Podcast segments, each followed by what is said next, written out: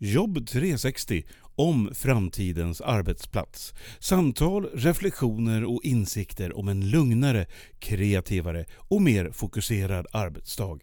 Inbjudna gäster tillsammans med Pia Andreasson och hennes kollegor från Direxio.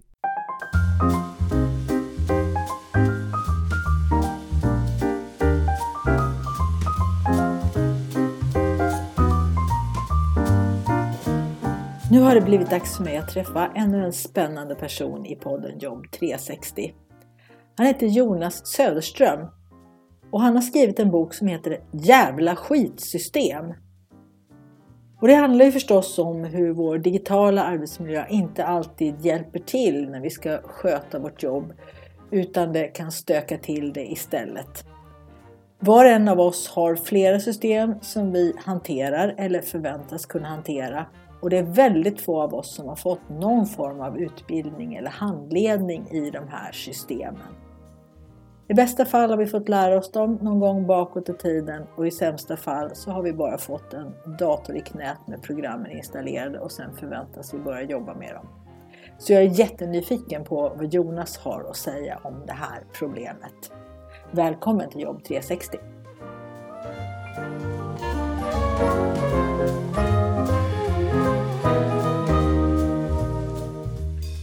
Välkommen till podden Jonas Söderström. Jag har ju tänkt att jag ska ha dig med i podden här ett tag för du har skrivit en bok, faktiskt för tio år sedan men titeln är ju lika aktuell idag tycker jag. Den där boken heter Jävla skitsystem.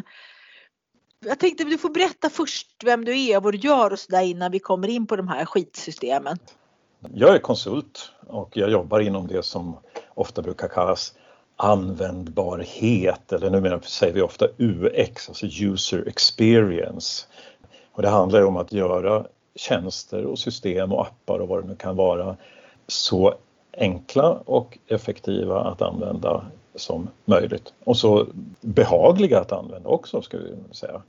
Jag har ju faktiskt jobbat med digitalisering i snart 40 år. Jag tror jag digitaliserade min första tjänst i ungefär 1980. Då digitaliserade jag en tidningsredaktion men som konsult så, så fördelen är ju att man kommer in i väldigt många verksamheter och får se dem från insidan. Där. Eh, allt från stora företag, världskoncerner, myndigheter, organisationer, eh, småföretag. Och det som jag började känna för, för drygt tio år sedan då var egentligen att det finns väldigt mycket som inte funkar bra här. Man kunde se väldigt mycket när man kom på insidan. Och det ledde till att jag då faktiskt skrev den här boken då. Och fokus för den är ju digitala system som arbetsmiljöfråga. Så att undertiteln på den är ju hur en usel digital arbetsmiljö stressar oss i jobbet och hur vi kan ta tillbaka kontrollen. Ja precis, det är ju just det jag jobbar med också i det lilla kan man säga. Jag jobbar ju inte med alla system utan med de här systemen som alla människor hanterar idag nästan på kontor, Outlook och med flera mm. Microsoft mm. program då. Men jag brukar jämföra faktiskt med en sån här skylt som brukar sitta utanför byggarbetsplatser du vet där det står att du ska ha skyddshjälm och skyddsskor och du får inte gå dit om inte du hör dit och det ska vara varselväst och allting och det är 112 och skyddsombud och allting sånt. Eh, och det är jättebra att det finns sådana på fysiska arbetsplatser för det finns ju fler varianter av den skylten beroende på mm. arbetsplats. Mm. Men för den digitala arbetsplatsen finns det ju ingenting sånt, eller hur? Nej, ingenting. Du får kliva in och klara det bäst du kan helt enkelt i djungeln. Ja, och man får liksom verktyg som man förväntas använda. De liksom släpps bara rakt ner i knät på en. Så, sätt igång nu så här. Men det här är jätteintressant just därför att det är väldigt tydligt att den digitala arbetsmiljön är eftersatt även i lagstiftning och tillämpningar där och har varit så i, i många år. Det finns ju på arbetsmiljöområdet så finns det ju hundratals föreskrifter, det finns detaljerade lagstiftningar på en massa saker från allting från, från minsta lilla skruv till, till eh, ja, bygg, byggprojekt och så vidare som, vidare som är oerhört detaljerade. Det finns en, säger en, föreskrift som handlar om digitalt arbete och den är från 1998. Och det har hänt extremt mycket på det digitala området sedan 1998, det kan vi nog vara överens om. Flera del, stora delar av den där är föråldrad. Precis, men, Arbete men, vid bildskärm hette den. Eller? Ja, exakt. Mm. Men vill man ha ett annat perspektiv på det här kan man också säga det att just när du nämner byggarbetsplatser så kan vi säga att ett skäl till att det är så här det är att Engagemanget och lagstiftningen och där har varit oerhört inriktade på manliga arbetsplatser. Där. Det som eh, i hög grad är kvinnliga yrken eller yrken där kvinnor dominerar ska vi säga. Administration, eh, ekonomi plus naturligtvis vård eh, och omsorg. Så här.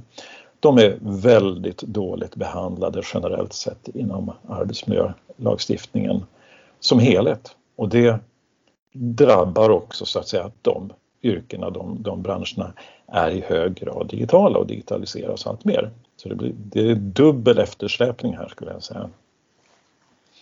Mm, hur kommer det sig då att det är så dålig design på de här systemen så att de upplevs som stressande? Kan det vara så att det är de som programmerar och gör de här programmen oftast är män som inte jobbar i dem sen och sen ska de lägga sig i knät på andra användare som kanske oftast är kvinnor då som, som ska hantera det här? Ja, alltså det, tyvärr är det så att många av de här systemen, ja de är dåligt anpassade till användare överhuvudtaget och egentligen oavsett om det då är män eller kvinnor som använder dem där. Alltså det här är ju lite grann den stora frågan varför det fortfarande är så här. Vi har, vi har känt till hur man bygger användarvänliga och, och effektiva, framförallt det, men det handlar om effektivitet, det handlar om produktivitet. Vi vet hur man bygger effektiva system, det har vi vetat i 40 år och det här var ju egentligen lite grann motivationen till varför jag kände att jag måste skriva den här boken därför att min bransch, vi har egentligen misslyckats, mitt yrke. Där. Vi har inte lyckats övertyga eller få genomslag för de här sätten att bygga goda produkter. Där. Någonstans kände jag det att ja, men, om vi ska få någon ändring på det här så måste vi mobilisera användarna. vi måste få mera av ett användar uppror eller i alla fall få användarna att inse att de har rätt att ställa mycket hårdare krav på sina verktyg.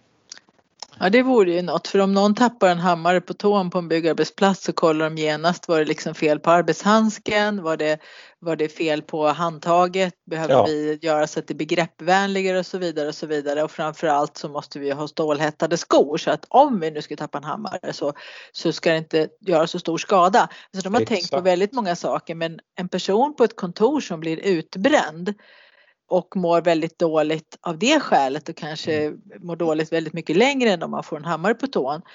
Där funderar man inte ens på vad orsaken Nej. de här Nej. systemen som hon eller han jobbade med.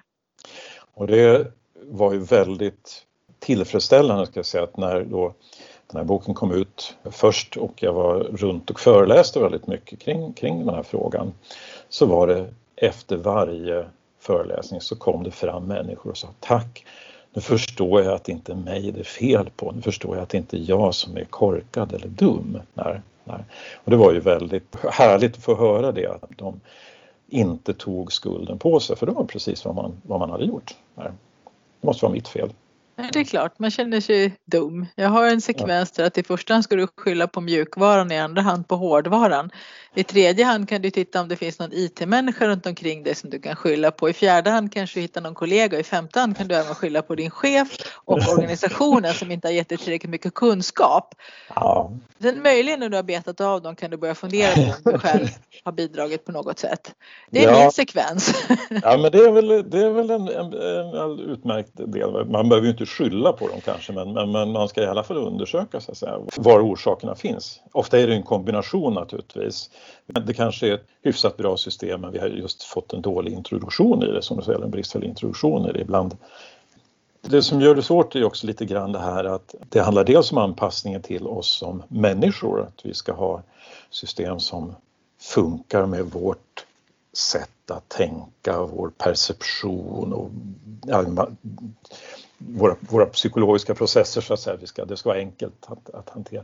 Men de ska ju också funka med de arbetsuppgifter som vi har. Och här är det lite olika därför att ett system kan funka väldigt bra i, i en kontext och funka väldigt dåligt i en annan kontext. Tittar man på vården till exempel så är det en väldig skillnad på hur man jobbar, det vi kallar vård, det är en väldig skillnad på hur man jobbar på till exempel ett sjukhus och på en vårdcentral.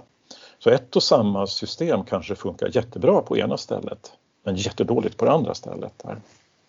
Men det här är också någonting som just bottnar i att, att är man användare så måste man kunna ställa väldigt specifika krav för, att ha ett verktyg som är effektivt i min kontext, i mitt sammanhang. Ja, jag brukar säga till mina kursdeltagare att om de upptäcker att de börjar en mening med Jag skulle vilja att när det gäller de här digitala redskapen mm. de har, då är de på väldigt mycket rätt spår. Ja, absolut. Jag brukar säga också så här att och det är när man, när man pratar med utvecklare eller när man pratar med beställare av sådana här system. Då, då brukar jag säga att om ni börjar en mening med Det vore bra om då kan vi kasta det kravet i papperskorgen. Därför att då är det oftast någon sån här fiffig idé som liksom säger ah, det vore bra om det här systemet också kunde koka kaffe eller det vore bra om det här systemet också kunde översätta från isländska till, till tagalog. Det brukar vara ett ganska tydligt tecken på att det här är någonting som inte riktigt är grundat i någons verkliga behov. Utan det är mer den här teknikfiffigheten som liksom visar, ah, men tänk om man kunde göra så här. Nej. Ibland kan det naturligtvis vara alldeles utmärkta idéer men generellt sett är ju det ett problem att många av de här systemen och tjänsterna vi har försöker göra alldeles för mycket, försöker vara alldeles för hjälpsamma och, och resultatet av det blir ju att det blir, de blir svårhanterliga, det är svårt att navigera, det är svårt att överblicka dem, det är svårt att, att hantera dem till exempel. Idag vet jag inte hur många olika kommunikationskanaler har vi ju till exempel. Jag menar, alla system bygger in någon, någon, typ av kommunikationskanal och då vet man inte.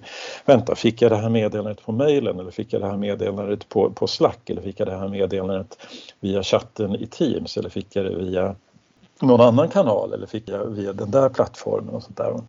Eller rent av sms eller någonting där. Och en, en, den här mängden av features är ju ett känt problem. Att de, de försöker göra för mycket helt enkelt. Ja, jag har hört flera gånger när jag lär mina kursdeltagare att för sin egen del använda kalendern som ett planeringsverktyg. Eh, och sen så när de har gjort det och upptäcker att nej, men det blir väldigt fiffigt att få koll på min vardag och verklighet på det här viset. Då kommer nästa fråga. Pia, tänk om våra tidrapporteringssystem nu kunde gå in och hämta det här direkt nu när jag har varit så duktig och skriva. Jag får ju dubbeljobba ja. och sitta och knacka in det på ett ställe till. Ja, jag vet, säger jag. Hör det för med leverantören och se om de kan lösa det på något sätt. För det, det är inte helt omöjligt att det går att klippa ihop de här men ingen har mm. frågat efter det förut för ingen har ju använt kalender som planeringsverktyg bakåt i tiden. Det där är ju en, en gammal, gammal käpphäst kan vi säga att just och, och tyvärr är det ju så att väldigt många inte bara ens behöver använda ett tidrapporteringssystem, de kan behöva använda två eller tre, till och med fyra tidrapporteringssystem. Aj, nu fick jag lite ont i magen där känner jag. ja, man får ju det. Ja, olika rapportsystem för olika, kanske projekt eh, en och sen eh, ja, du ska i vanliga tidrapporten och sen ja, och en, en, en tidrapport i säljsystemet och en tidrapport i ekonomisystemet och en tidrapport för kunden och en tidrapport för den specifika plattformen för det här projektet precis som du säger. Mm. Så kommer någon person till mig sen och säger Pia den där veckan då rapporterade du 47 timmar, stämmer det verkligen?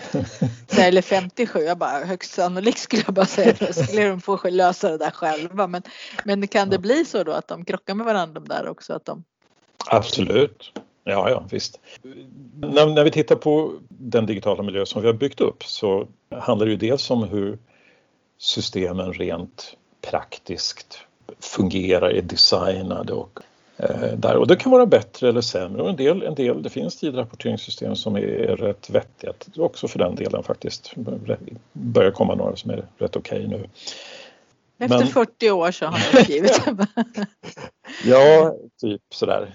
En annan fråga är ju också egentligen, när det, när det gäller många digitala system, är ju vilken nytta gör de egentligen? Så här, vad är det egentligen för nytta av uh, de här fyra tidrapporteringssystemen? Här? Uh, och det som händer då, naturligtvis, är ju att människor ljuger. Vi skriver in X timmar. Eh, jag minns så väl en sjuksköterska som jag intervjuade som jobbade på en mottagning för ortopedi och hon visade mig här att jaha, det här det här systemet, vi ska specificera exakt vad vi kastar av elskrot i återvinningen. Vi ska räkna antalet batterier vi lägger i återvinningen och spesa det här och vi ska räkna om vi lägger ner en kabel eller om vi lägger ner en kontakt eller någonting annat sånt där. Jaha, så frågar vad, vad, vad, vad är det här bra för då liksom? Jag vet inte, så jag har ingen aning kan vara så att man hade någon sorts interndebiteringssystem här att man, liksom, man skulle debitera olika kliniker olika för hur mycket elskrot de skickade till återvinning eller någonting sånt där. Så Men, men hon hade ingen aning. Äh, så jag frågade henne, jaha, men, men hur löser du det här då? Ja, men jag ljuger. Ja. Jag står omgiven av människor som skriker av smärta därför att de har sönderslagna ben och armar och lemmar. Här tänker inte räkna batterier. Jag skriver en siffra här. Nu trycker jag på knappen. Ja, precis. Det är en fullständigt, ska jag säga, rationell och mänsklig reaktion i den där situationen. Där. Det är klart, jag hade tagit med batterierna och kastat dem i närmsta holk själv bara för att slippa ens logga in. Ja, ja. Då, har fått, då har du fått frågan varför rapporterar ni ingenting? Oj, så att, jag sagt, det måste vara något fel. Jag har skrivit in en siffra varje vecka. ja, precis. Och, och här, här, finns ju samband här mellan så att säga att digital teknik eh, underlättar väldigt många uppgifter för oss. Det, det kan vi vara överens om. Men digital teknik underlättar också all typ av administration. Det betyder att vi får i många fall en, en tillväxt av administration som faktiskt är onödig, som är onyttig. Där. Och det här är, är, lite grann andra sidan av, av myntet så att säga där att eh, i många fall måste vi nog fråga oss, ska vi förenkla den här uppgiften med hjälp av digital teknik eller är det så att vi ska avskaffa den? Mm, Jonas Falk som är arkitekt sa någonting i ett tidigare poddavsnitt och han sa bara för att det går att göra betyder det inte att det är bra. Nej, det, är, det, det är en väldigt bra mantra egentligen för digital teknik och det återknyter till det här som jag sa att jo, men om vi kan vara säkra på att säga jag skulle behöva där, om det är så kravet så att säga, formulerat, då är det förmodligen en, en bra idé att åtminstone undersöka om kan vi göra det här på något vis. Men när man får de här så det vore bra om där, då är det någonting som går att göra, men det behöver inte betyda att det ska göras. Nej, ofta när jag får den frågan, jag, jag skulle vilja att då går det ju också att säga ja, det går och det går ja. kanske till och med med den befintliga tekniken, det befintliga ja. programmet som jag jobbar ja. med. Det är bara det att det finns ju så mycket som går att göra så att jag som utbildare kan ju inte gå igenom allting. Nej. Eh, så desto roligare när man får de där frågorna och kan säga ja visst du gör så här. Ja, ja visst. Och där, där finns ju som sagt i många fall så, så, precis som du säger, man har inte fått en utbildning, eh, man har inte fått en introduktion och framförallt brukar de inte vara anpassade till just mina behov utan det är kanske en, en väldigt generell eh, översikt eller någonting sånt där. I värsta fall så, så är det ju en genomgång av säga, programmet så här, knapp för knapp. Skruv för skruv. Här, den här knappen gör det och den här knappen gör det och den här knappen gör det och den här knappen gör det. Okej, okay, och efter två timmar så är man fullständigt överväldigad och minns inte vad de här, vad gjorde de där knapparna egentligen. Där. Mm, det är så det blir när man låter tekniker utbilda de som kan programmen rent tekniskt och ja. inte, inte anlitar en pedagog som analyserar vad behöver människor, hur ska jag få dem att ta det till sig så att det blir användbart. Ja. Eh, och det har jag hört många gånger man ringer och så är det IT-avdelningar. De säger så här, eller inte IT-avdelningar, det är inte de som säger det här. Det är andra personer ute i organisationen som säger att mm. men vi har några från IT och de kan svara på frågor ifall det dyker upp några. Det är ja. det utbildningsstöd som man har på det mm. stället då. Mm. Det är nog väldigt vanligt. Alltså vi ska inte säga, jag ska inte säga något ont om IT därför att IT är oftast egentligen våra vänner och bundsförvanter i det här, de är också ofta frustrerade över att eh, saker är problem eller saker fungerar dåligt av naturliga skäl, därför att det är de som får skiten. Problemet är ofta att de inte får tillräckliga resurser eller tillräckliga goda förutsättningar för att skapa de här bra system eller för att skapa en bra support eller en bra eh, introduktion eller en bra, ja överhuvudtaget alltså förutsättning. Eh, just eh, utbildning är ju också någonting som så att säga, generellt oftast kommer liksom sist i hela projektet där. Då vet vi hur det är i sådana här projekt. Ofta så blir det förseningar och man liksom drar över tiden och budgeten och så har man planerat in den där två timmars utbildningen eller halvdagen där i maj och så var vi inte riktigt klara och så dröjer det och så blir det sommar och sen så blir det augusti. Nu måste vi få igång det här och så kastar man ut de här den här tjänsten kanske och så, så har man, ja men vi har inte tid, vi, vi kan, inte, kan inte boka upp en ny halvdag här igen. Nej. Nej, ibland är det ju så att man tänker sig att nya, nya system när man gör något nytt att det måste vara utbildning direkt och så vidare. Jag måste ha det här till hands och, och så.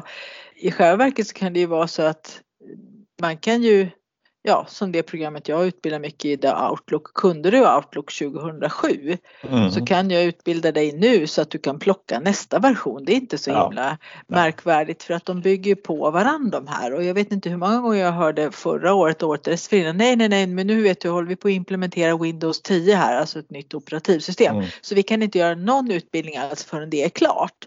Och då tänkte jag Outlook kommer att se precis likadant ut faktiskt. Men sen om ni tar en ny version av Outlook då må det vara mm. hänt men, men då, då, kan man också lära sig den förra och kunna nästa. Inte så svårt. Så att det upplevs ju ofta som att vi måste stanna nu här tills det här är klart innan vi kan ta nästa steg och så är ofta inte fallet. Nej, och en, och en, en annan egendomlighet tycker jag också i vår, vår eh, digitala företagsmiljö det är det här att jag jag tror vi, vi har väl känt till sådär i typ 4000 år va? Att, att repetition är bra för, för att lära sig saker. Repetitio est mater studiorum som latinarna sa. Repetition är kunskapens moder. Alltså under då 20 år i, i branschen, eller mer än 20 år i branschen. Så ohyggligt, otroligt sällan tror jag ens hört talas om repetitionsutbildning utan man får den här halvdagen och då förväntas man, nu kan du alltihopa om det här programmet. Här att, att ha en uppföljning eller någonting sånt där det verkar vara extremt sällsynt. Där. Ja, eller uppfräschning eller någonting uppfräschning. sånt eller ens tillgång till det på någon typ av intranät Nej. eller så. Eller, för att det, jag brukar ju ofta fundera på, jag har sagt det förut också, den här kryssrutan när man söker jobb, att man behärskar Office-paketet. Vad betyder det om man sätter ett ja i den rutan? Ja, det, jag har inte fått något bra svar på den. Men, men alla kryssar i där för annars får man ju inte jobbet. Så att, nej, ja. precis, Eh, sen kan det betyda att man är väldigt bra på att göra tabeller i Word eller det kan betyda att man är en rackare på Excel eller i alla fall var det för tio år sedan på ett mm, annat jobb. Mm. Jag gjorde ganska för 15 år sedan rätt avancerade Excel-ark där med olika rutor som man skulle skriva i olika siffror så vart ett resultat nere i ena hörnet. Men be mig inte göra det idag för det skulle inte hända någonting. Så att det, det där är ju som du säger, det är färskvara. Man behöver ju liksom plocka upp det. Om någon identifierar till exempel min chef att Pia skulle ha nytta av att kunna Excel Mm. Ja, då ska ju han eller hon se till att jag kan det på den nivån som jag behöver. Mm. mm. För det kan ju inte jag veta. Nej. För något år sedan så intervjuade jag 40 medarbetare på en av Sveriges ska vi säga, viktiga tekniska högskolor. Där. Vad de sa var bland annat på en av dem, ja, ingen här bokar möten i kalendern för vi vet inte hur det går till här. Det är ju lite pinsamt eftersom vi har sagt att vi ska vara en teknisk spjutspets. Så här. Jaha, vad, vad gör ni då? Jo, men vi använder en extern tjänst. Vi använder Doodle på, på nätet här. Vilket i och för sig är en, en bra tjänst sådär det där säger ju också någonting om, eh, Jag vet också en som, som jobbade med Excel som jobbade med redovisningar till, e- för EU-bidrag och sånt där. Så här. Hur länge har du jobbat med det här? Jag har jobbat med det här i tio år. Har du fått någon som helst utbildning i Excel under de här tio åren? Nej, ingen som helst. Men det här med Doodle till exempel, det säger ju någonting därför att de tjänster som erbjuds oss, det finns en väldig klyfta eh, och en vidgande klyfta mellan de tjänster och appar som erbjuds oss som privatpersoner, som konsumenter. Som ofta är just så här snygga, behagliga, enkla eh, att använda. Och skillnaden då gentemot många av de system som vi måste använda internt på arbetsplatsen som tyvärr ofta är eh, krångliga och, inte behagliga att använda och svåra. Mycket av det där handlar ju om att de här öppna systemen för privatpersoner, de, de väljer vi på en marknad. Vi kan välja att välja den ena eller den andra kalendertjänsten eller, eller bokningstjänsten där ute. Och det skapar ju ett tryck på att de ska vara bra och att de ska bli bättre. Inne i organisationen, inne i företaget så är vi oftast inlåsta. Det finns bara en, eh, en tjänst att använda där. Och det gör ju att så att säga, trycket på leverantören oavsett vem det är eller oavsett om det är ett internt utvecklat system eller om det är någon, någon typ av, av leverantör, trycket på dem att göra en bra tjänst är betydligt mindre för att deras affär är liksom klar när de har sålt in sitt verksamhetssystem då till koncernen. Så sen, sen, kan de lite eh, slarvigt kan man säga, sen kan de sitta och rulla tummarna och licenskostnaderna och rullar in i tio år eller någonting sånt där. där när i den nya miljö som vi har nu med distansarbete och videomöten så, så är det ju väl, faktiskt intressant för här kan man ju se att konkurrensen mellan Zoom och Teams har varit enormt nyttig på att snabbt få upp kvaliteten i båda tjänsterna som nu har blivit mycket bättre båda, båda delarna. Ja, jag håller helt med för jag jobbade ju dem och det bör, första när, när corona slog till det var ju att jag jobbade i, mycket i Skype för att den organisation jag jobbade med hade mm. bara Skype. Och sen jobbade jag en del i Zoom för jag behöver grupprum på en av mina ja, kursdagar. Precis. Så det fick mm.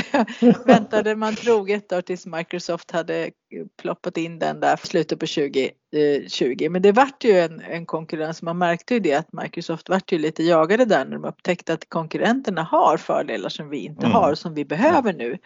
Så att som du säger, man hoppas ju att de ska, de ska steppa upp lite nu då och vara lite mer på hugget när det gäller sånt som människor behöver och inte bara sånt ja. som vore cool att ha. Eh, och så. Men det kanske blir så att teknikerna tycker kanske att de har hittat en, en intressant funktion och så vill de ha den med och det tycker jag ser det nu att Microsoft Teams, det finns en och annan funktion som har funnits med väldigt, väldigt länge i, i Outlook och så, bara det att ingen har ju känt till det. Ingen av dem som jag träffar i alla fall. Det är några tusen vid det här laget eller, eller två, tre, fyra tusen kanske. Och, och, det är fåtal som har känt till vissa saker som nu lanseras som något stort och nytt då i Microsoft Teams. Mm. Mm. Så det är ju spännande och, och, en annan sak häromdagen träffade jag en, en person i en av de stora elkedjorna som vi har, såna här teknikkedjorna och eh, köpte en sak och han slog i sitt system där och skulle kolla lite och då sa jag, ah, har du fått nytt system här nu? För han sa att jag kan kolla ditten och datten här och han hade på sin telefon också men den funkade ju inte så vi fick gå bort till datorn. Och så sa jag, men hade inte ni gammalt dosbaserat system förut så här med gröna siffror på en mörk skärm som jag har sett bara för något år sedan? Jo, sa han, det hade vi, men nu är det ju nytt. Och så resonerar vi lite kring det då att man måste ju ibland ta nya system och, och, så. Men han sa det om det gamla och det funkade ju åtminstone. Så typisk användare som då har fått ett nytt system i knät som ska mm. funka på ett visst sätt och sen så mm. får han ändå inte ihop det. Och jag hade kunnat betala där sa han om man hade haft en sån här betalgrej vid den terminalen. Men nu fanns inte det så jag fick gå bort till kassan i alla fall. Så att, eh, det är kanske i ett nötskal där vad man upplever när man får de här nya systemen. Ja, jag skulle säga det. Jag har ju, en, en av de saker som jag har gjort är ju att jag har gjort ett sorts en mall just för eh, som handlar om utbildning och introduktion i nya system som är tänkt att man från användarsidan ska kunna ta till det här projektet i god tid i förväg redan när det börjar och säga okej okay, låt oss redan nu bestämma vilken typ av utbildning som det ska bli när det här systemet är klart eller när det nu är klart för införande eller för leverans eller sådär. Här har vi ett antal alternativ. Vi kan ha en kort introduktion här, vi kan ha en, ett införandestöd på plats vi kan ha en eh, lite grundligare utbildning, kanske en liten bit in, för det här är oftast så det, det är oftast är nyttigt om man först får liksom pröva på det här. Va? Man jobbar ett tag med det och sen kan man ha en utbildning, för det är då man har de här frågorna. Kan man inte göra så här? Skulle inte, finns den här funktionen? Nu har jag upptäckt det här skulle jag behöva och då kan man få svaret, jo men det finns. Då inte och där man även kan, kan bestämma sådana saker som vilka ska vara med på den här utbildningen? Ja men det är bra om utvecklarna är med på den här utbildningen så de får feedback. Det är bra om min, våra chefer är med så att de ser vilka problem som eventuellt finns. Behöver vi göra någon annan åtgärd? Behöver vi kanske gå ner i kapacitet under en liten period medan vi har den här inlärningsperioden? Där. Jag vet till exempel tandläkarmottagningar bytte journalsystem där. Då bestämde man faktiskt att man gick ner från, jag tror de hade åtta patienter per dag, nej de hade sex patienter per dag tror jag de hade Eh, normalt sett. Under den här, den här månaden när vi genomför det här bytet och utbildningen så går vi ner till fyra patienter per dag så att man har tid att hinna med att, att eh, smälta och att bearbeta det här. Så det där finns faktiskt. Jag kan ge länken till att man kan ladda ner det där.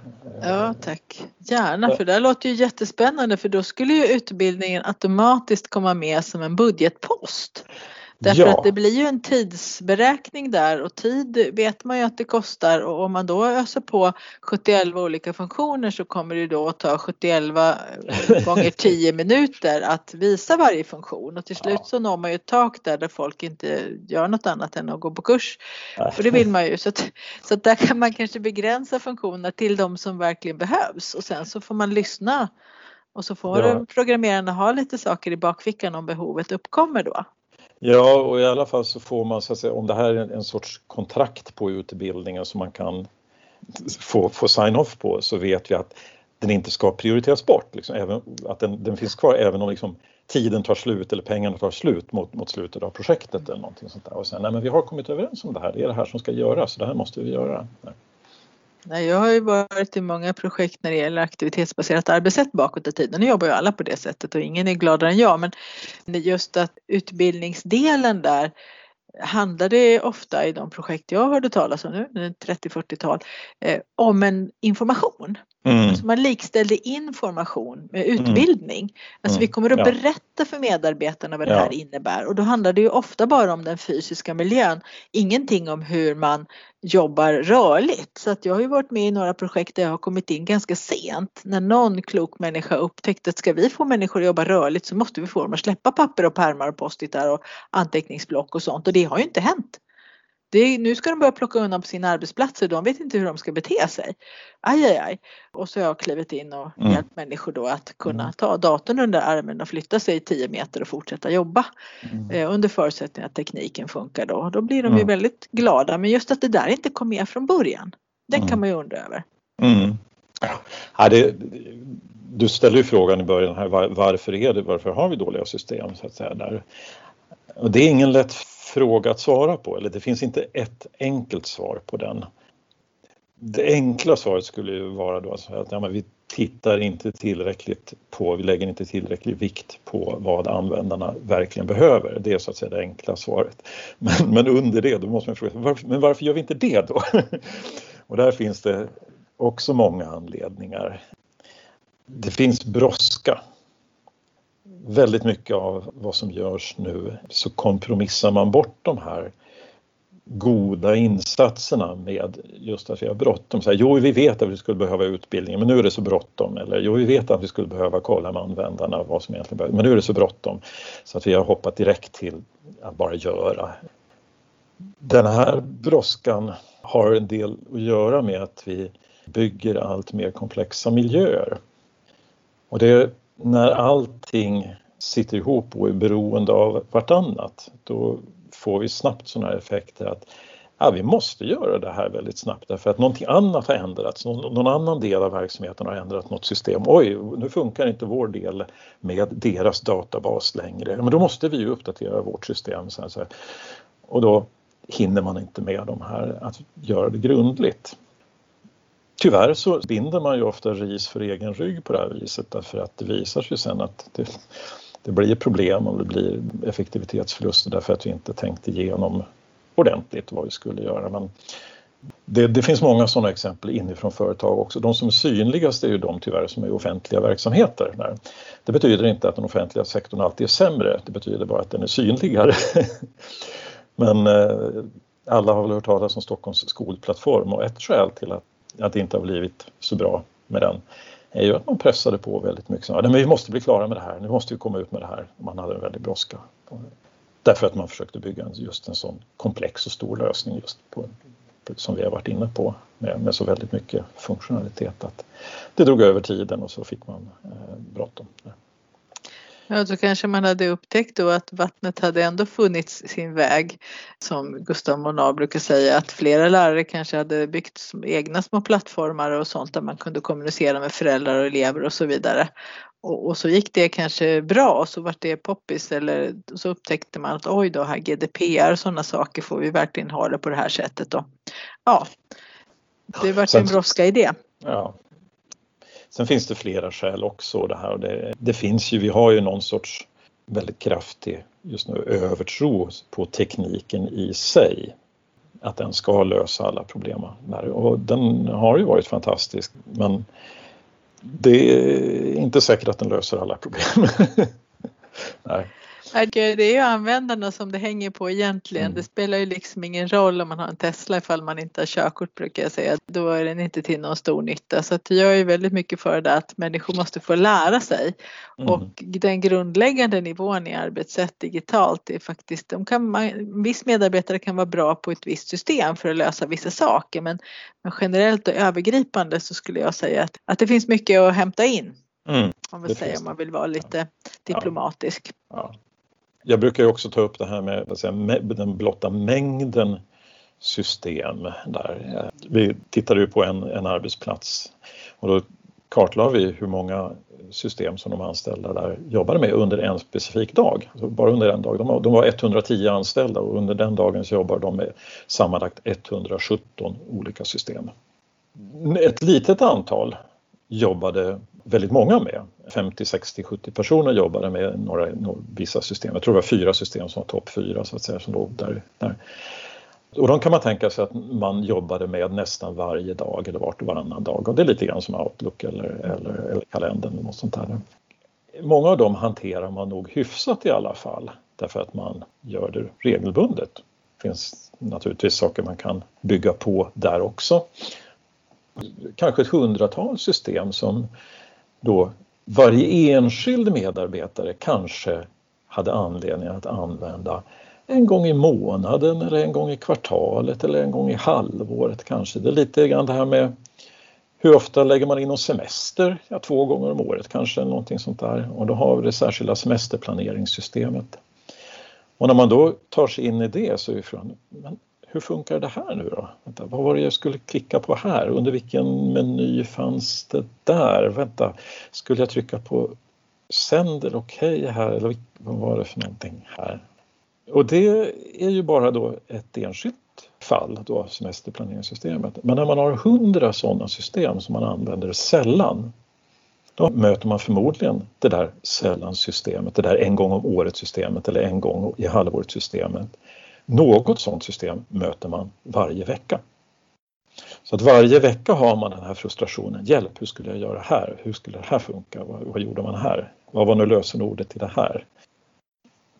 Lösenord är ju också en, en sån här källa till frustration. En annan användare jag intervjuade, hon hade då tittar vi bara på en person. Hon hade 21 system som hon använde dagligen eller, eller regelbundet återkommande. Här. De 21 systemen krävde alla lösenordsuppdateringar med tre, fyra eller fem veckors intervall. I snitt kan vi säga då fyra veckors intervall då på det där. Fyra veckors intervall på lösenordsuppdateringar på 21 system. Det blir 273 lösenordsuppdateringar per år. Det finns 252 arbetsdagar per år. I princip varje arbetsdag så måste hon uppdatera lösenord på något av sina system tydligt här var att de här 21 systemen, de hade olika ägare, olika avsändare i organisationen. Några system var från ekonomiavdelningen, några var från HR-avdelningen, några var från IT-avdelningen, några var från mm, ja, någon koncernövergripande del här och där. Och där. Och ingen av dem som roddade de här eller ägde de här systemen insåg ju att användaren där nere har också 20 andra system förutom mitt, 20 andra lösenordsuppdateringar förutom min lösenordsuppdatering. Alla hamnade i knät på den här kvinnan, den här användaren här då. Där.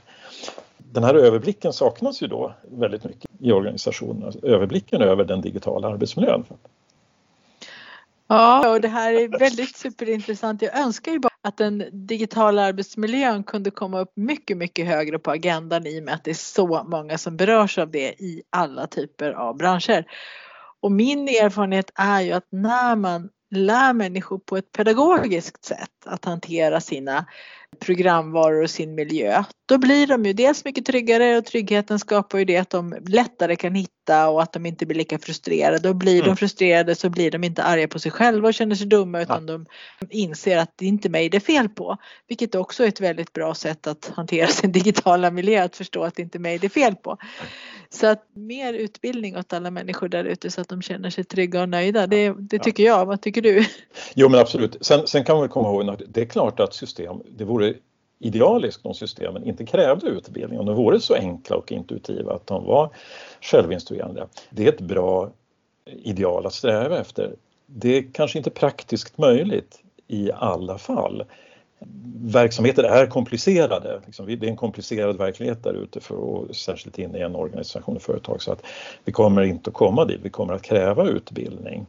Men designmässigt så arbetar jag för att sträva efter att de ska bli så enkla som möjligt också. Så Därför att det är ju också det billigaste sättet att få ett bra resultat, att göra så att säga rätt från början.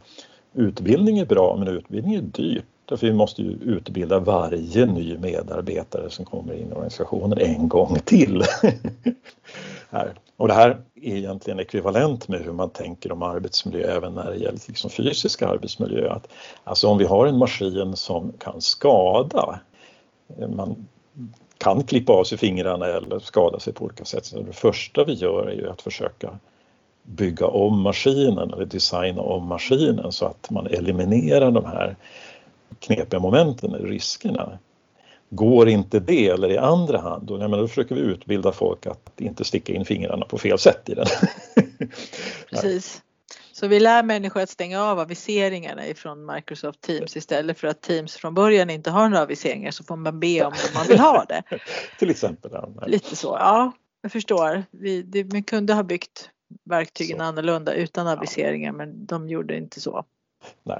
Men eh, som sagt utbildning är väsentligt och bra av flera skäl så att säga. Det bygger ju också liksom en sorts självförtroende och det bygger en förtrogenhet och sådana saker och säkerhet. Förmågan också så att säga, en sorts motståndskraft just det här mot att inte längre skylla på sig själv. Så det finns många bra effekter av utbildning men vi bör arbeta på båda fronterna naturligtvis. Bra avslutning där på vårt samtal tycker jag Jonas Söderström jobbar på två fronter. Både programmen ska bli mer användarvänliga och användarna ska bli mer lugna och trygga med sina system. Det hoppas vi. Då säger jag tack till dig Jonas för det här samtalet. Tusen tack själv.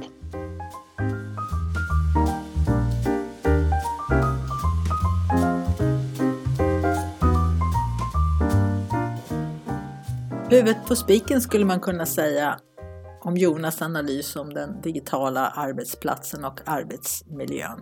Hur ser det ut där du jobbar? Stämmer det här som Jonas berättade eller har ni kommit längre än så? Hur som helst, han berättade om den här verktyget som man har när man ska göra en digital transformation och en länk till det hittar du i det här poddavsnittet då på Soundcloud om du kikar in där. Kan också passa på att berätta att den här boken som Jonas har skrivit, Jävla skitsystem, kom i en ny upplaga för fem år sedan ungefär, där han fick omarbeta väldigt mycket. Så mitt tips är förstås också att ta hem den boken och kika på den. Jonas Söderström alltså, Jävla skitsystem. Och sen undrar jag förstås, hur långt har ni kommit i er digitala miljö?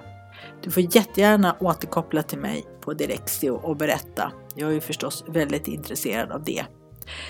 Tack för att du lyssnar på Jobb 360.